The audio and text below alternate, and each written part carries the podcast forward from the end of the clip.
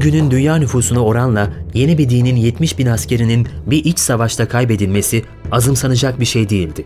Hazreti Ömer'in şehadetiyle kırılan fitne kapısı tamir edilemiyor, Hazreti Osman'ın şehadetiyle başlayan fitneler İslam topraklarını dalga dalga sarıyordu. Ve kader yavaş yavaş anı örüyordu. Şu bir gerçek ki cahil dost, akıllı düşmandan daha çok zarar verir. Sıffin Savaşı'nda Muaviye ordusu tam mağlup olmakla karşı karşıyayken Kur'an sayfalarının mızrakların ucuna takılma fikri Amr bin As'ın nasıl zeki bir siyasetçi olduğu gerçeğini ortaya çıkarmıştı. Muaviye tarafı beklendiği gibi Amr bin As'ı hakem seçti. Hazreti Ali, Abdullah bin Abbas'ın veya Malik bin Eşter'in hakem olmasını istiyordu.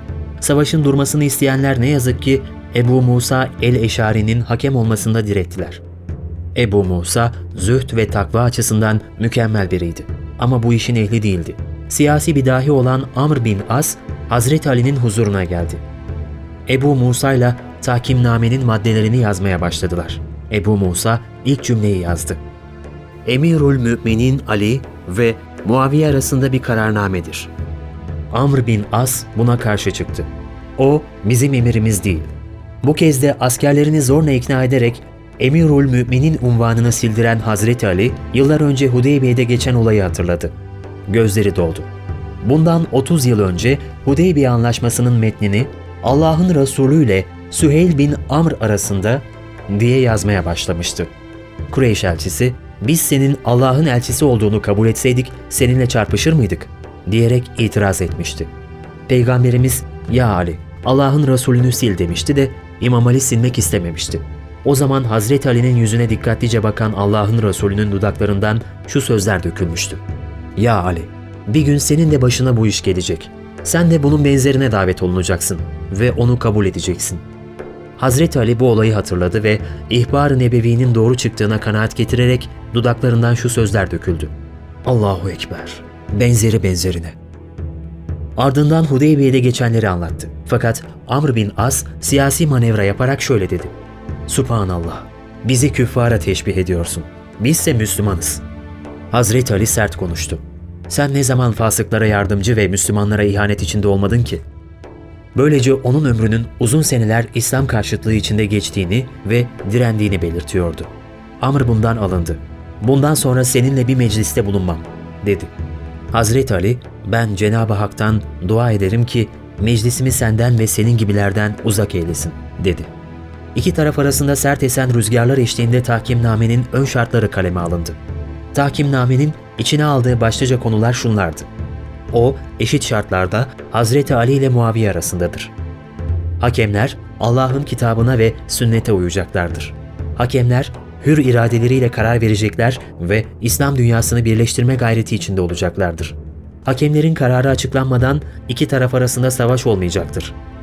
Nihai hüküm her iki tarafın onayladığı, adaletin tezahürüne uygun bir mekanda olacaktır. Hakemler Ramazan'da yani yaklaşık 6 ay sonra Medine-Şam yolu üzerindeki Ezruh'ta buluşacaktır. Bu son madde Muaviye'nin zaman kazanmasına dönüktü. İki ordu 110 gün Sıffin'de kaldıktan sonra biri Küfe'ye, diğeri Şam'a döndü. Hazreti Ali ordusuyla Küfe'ye geldiğinde sokaklardan geçerken şehit evlerinden kadın ve yetim çocukların feryatları yükseliyordu. Her bir evden duman duman ağıt yükseliyordu. Şehir şehitlerini ağlıyordu. Yaklaşık 6 ay süren bir çalışmadan sonra hakemler mutabakata vardılar. Karar, İmam Ali ve Muaviye her ikisi de azledilecek, şura yeni bir halife seçecekti. Aldıkları nihai kararı açıklamak üzere hakemler kürsüye çıktılar.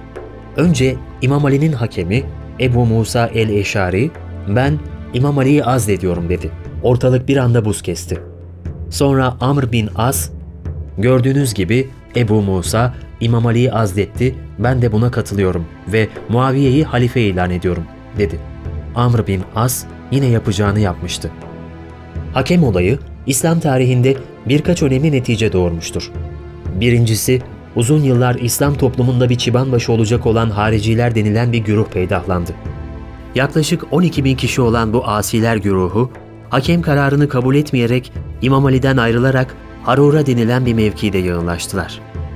Bunlar hem Halife Ali'nin hem de Muaviye'nin amansız düşmanları oldular.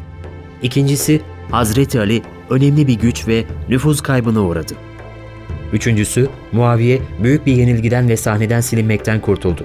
Bu da ileride Şam'da yeni bir devletin, hanedanın ortaya çıkmasının doğrudan temel sebeplerinden biri oldu.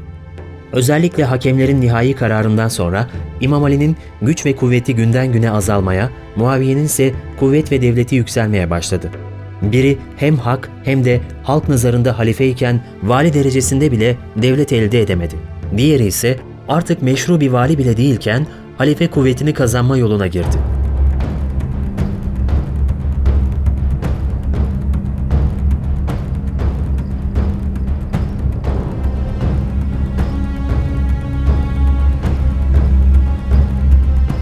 Hakemlerin bütün bir İslam dünyasını bir bilinmezliğin içine attığı karardan sonra İmam Ali yarım kalan sıffini tamamlamaktan başka çare olmadığı kanaatine vardı. Yeni bir ordu hazırladı. Tam sefere çıkacakken dostları ardımızda hariciler denilen vahşileri bırakarak nereye gidiyoruz? Çoluk çocuğumuzu, evlerimizi onların insafına bırakarak nasıl gidebiliriz? dediler. Bu doğru bir düşünceydi. Çünkü hariciler tam bir terör örgütüydü. Gemi azıya almışlar, her tarafta terör estiriyor ve kendinden olmayanları insafsızca öldürüyorlardı. Sapık tavır ve davranış içindeydiler. Haricilerin kabul edilmez durumunu ve terör hareketlerini yakından takip eden Halife Hazreti Ali de savaşı onlardan başlamanın uygun olacağı kanaatine vardı. İslam ülkelerinde terör çıkaranları gerektiği gibi tesirsiz hale getirmek bir halife olarak onun göreviydi. Küfeliler de bunu istiyordu. Küfe'yi bunlara bırakıp Muaviye üzerine yürümek olmazdı. Hazreti Ali bu durum üzerine Şam seferini tehir ederek Hicri 38 yılının Safer ayında Nehravan seferine çıktı. Bir harici güruhu Nehravan'a gelirken yolda Abdullah bin Habbab ve hanımıyla karşılaştı. Abdullah bin Habbab'ın hanımı hamileydi ve bir merkebin üzerindeydi. Onları durdurdular. Hazreti Abdullah'a sordular. Sen kimsin? Resulullah'ın ashabından Habbab'ın oğlu Abdullah'ım. Hazreti Abdullah onların sert tavırlarından korkmuştu. Onun kendilerinden korkup çekindiğini görünce "Korkma. Bize fayda verecek bir hadis rivayet et." dediler. O da babasından duyduğu şu hadisi anlattı onlara. Büyük bir fitne olacak. Onda kişinin bedeni öldüğü gibi kalbi de ölecek. Kişi mümin olarak akşamlayıp kafir olarak sabahlayacak. Kafir olarak sabahlayıp mümin olarak akşamlayacak. Sonra kendisine Hazreti Ebu Bekir ve Hazreti Ömer hakkında ne düşündüğünü sordular. O her ikisini iyilikle andı. Sonra Osman'ın hilafetinin başlangıcı ve sonu hakkında fikrini sordular. Hazreti Abdullah tereddütsüz şöyle dedi. Evvel ve ahir hak üzereydi. Arkasından Hazreti Ali hakkında hakem olayından önce ve sonra ne düşündüğünü sordular. İmam Ali Allah'ı hepinizden daha iyi bilir ve dininde diğer insanlardan ziyade takva üzeredir. Ayrıca herkesten ziyade basiret sahibidir. Hariciler bu sözlere kızarak biz seni kimseye yapmadığımız şekilde katledelim de gör, dediler. Abdullah korktu ve heyecanlandı. Onu ve hanımını bir hurma ağacı altına götürdüler. O sırada ağaçtan bir hurma düştü. Haricilerden biri onu ağzına attı. Bir diğeri, hurmayı sahibi helal etmeden yahut parasını vermeden aldın diye itiraz edince öbürü hurmayı ağzından çıkarıp attı. O sırada ehli zimmiden birinin domuzu oraya geldi. Haricilerden biri ona bir kılıç vurdu. Diğerleri bunu yeryüzünde fesat olarak yorumladılar. Kılıcı vuran domuzun sahibini bulup razı etti. Abdullah bin Habbab bunları görünce sakinleşti ve şöyle dedi. Bu gördüğüm hallerde sadıksanız bana zarar gelmez. Zira ben Müslümanım. Katledilmemi gerektiren bir suç da işlemedim. Fakat onu Nehravan suyu kenarına götürüp boğazladılar. Sonra hamile kadının karnını yardılar. Bir yandan tek hurmanın vebalini ve bir Hristiyan hakkına tecavüzü yüklenmezken diğer yandan mümin ve masum bir kişiyi ve hanımını acımasızca katledebiliyorlardı. İşte bu sapık terör çetesiyle Hazreti Ali'nin ordusu Nehravan'da karşılaştı. İmam Ali savaş için askerlerini konuşlandırdı. Abdullah bin Abbas Hazreti Ali'ye ''Ya emir el müminin, öğle namazını acele etmeyip de öğle sıcağı geçene kadar tehir etsen, ben şunlarla bir daha konuşsam.'' dedi. Sonra İbni Abbas çok güzel iki kat elbise giydi. Kendisi son derece güzel bir insandı. Haricilerin yanına gitti. Hariciler onu son derece güzel kılık kıyafet içinde görünce merhaba İbni Abbas. Bu elbise ne böyle dediler. Abdullah bin Abbas bu elbise güzel diye mi böyle alaycı şekilde soruyorsunuz? Ben peygamberin üzerinde elbiselerin en güzelini gördüm dedi. Hariciler niçin geldin dediler. Abdullah bin Abbas, ben size müminlerin emiri Ali'nin ve peygamberin arkadaşlarının yanından geliyorum. Onun ashabından aranızda hiç kimse görmüyorum. Geldim ki onların söylediklerini size aktarayım. Sizin görüşlerinizi de onlara ulaştırayım. Siz peygamberin hem amcaoğlu olan hem de damadı olan bir zattan neyin intikamını alıyorsunuz? dedi. Hariciler, biz ondan üç özellik sebebiyle intikam alacağız. Birincisi, Ali Allah'ın dininde insanın hakemliğini kabul etti. İnsanların Allah'ın hükmünde ne müdahalesi var ki?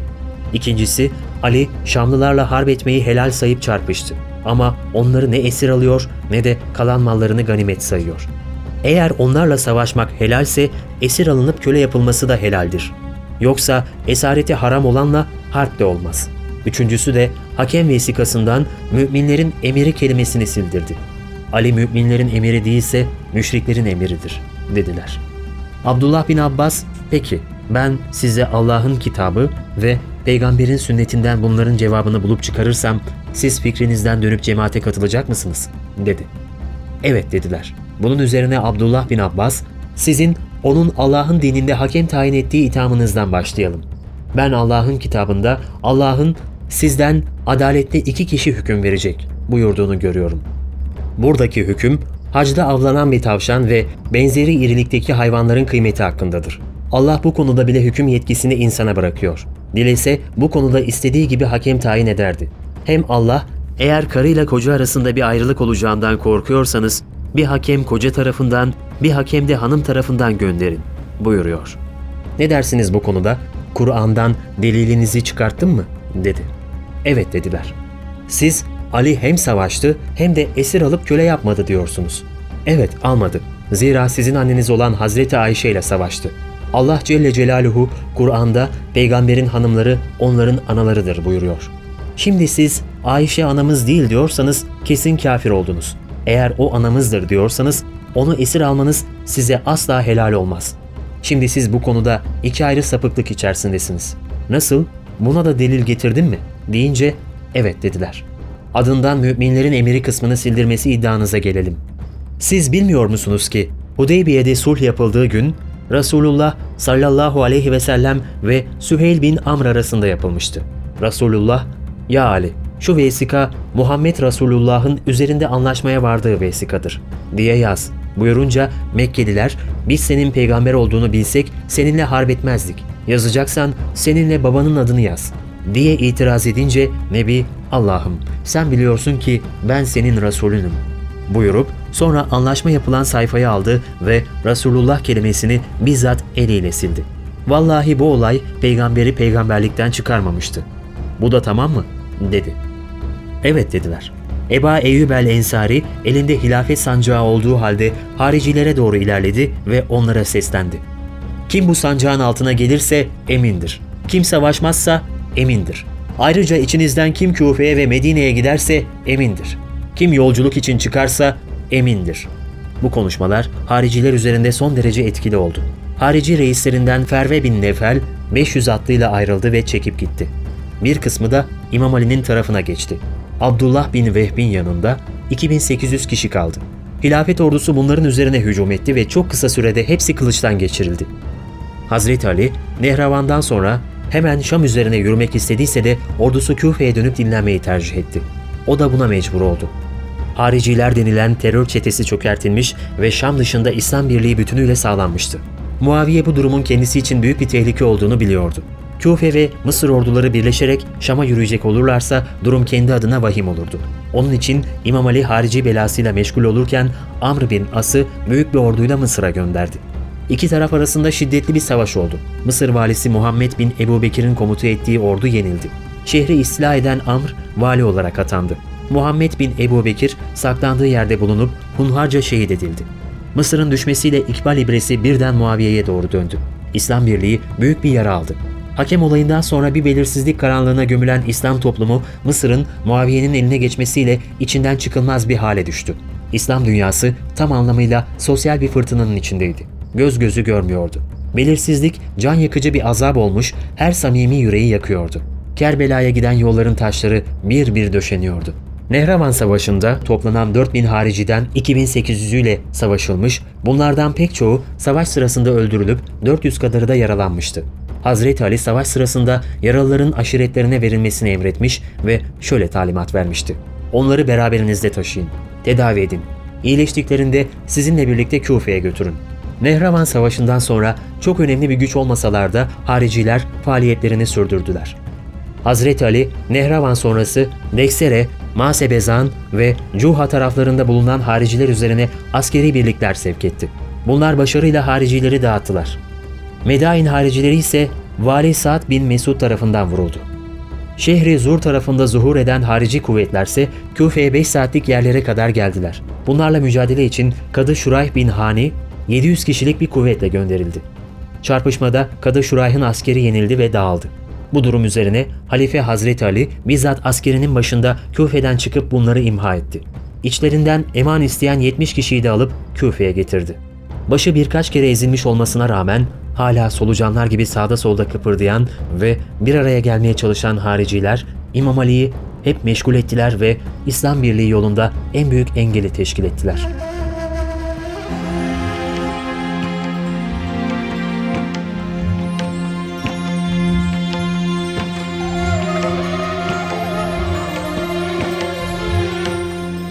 Derviş odasının sobası sönmeye yüz tutmuş, odanın içi hafiften soğumaya durmuştu.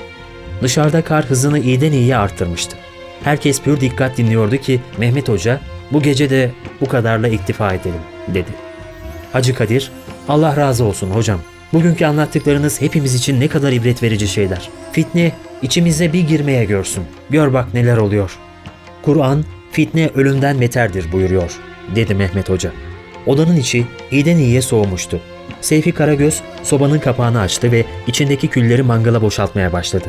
Külün sıcaklığı yayıldı odanın içine. Mehmet Hoca, ben kalkayım artık, dedi. Derviş odasının sakinleri ayağa kalkarak uğurladılar onu. Dışarıda rüzgar yine önüne kattığı karları kovalıyordu. Sanki bu kar ve kış anlatılanlara eşlik ediyordu. Odanın sakinleri birer birer kalktılar. Havanın öfkesi derviş odasından dağılanların yüzlerine, toprak evlerin camlarına kırbaç gibi iniyordu. Herkes birer ikişer karıştı kovalamacanın arasına. Çatıların saçaklarında uzun ve sivri buz sarkıtları tehditkar duruyordu. Biraz sonra derviş odasının ışıkları söndü. Mütevekkil bir derviş gibi köye bir tepeden bakan odanın üzerine bir teviye kar yağıyordu.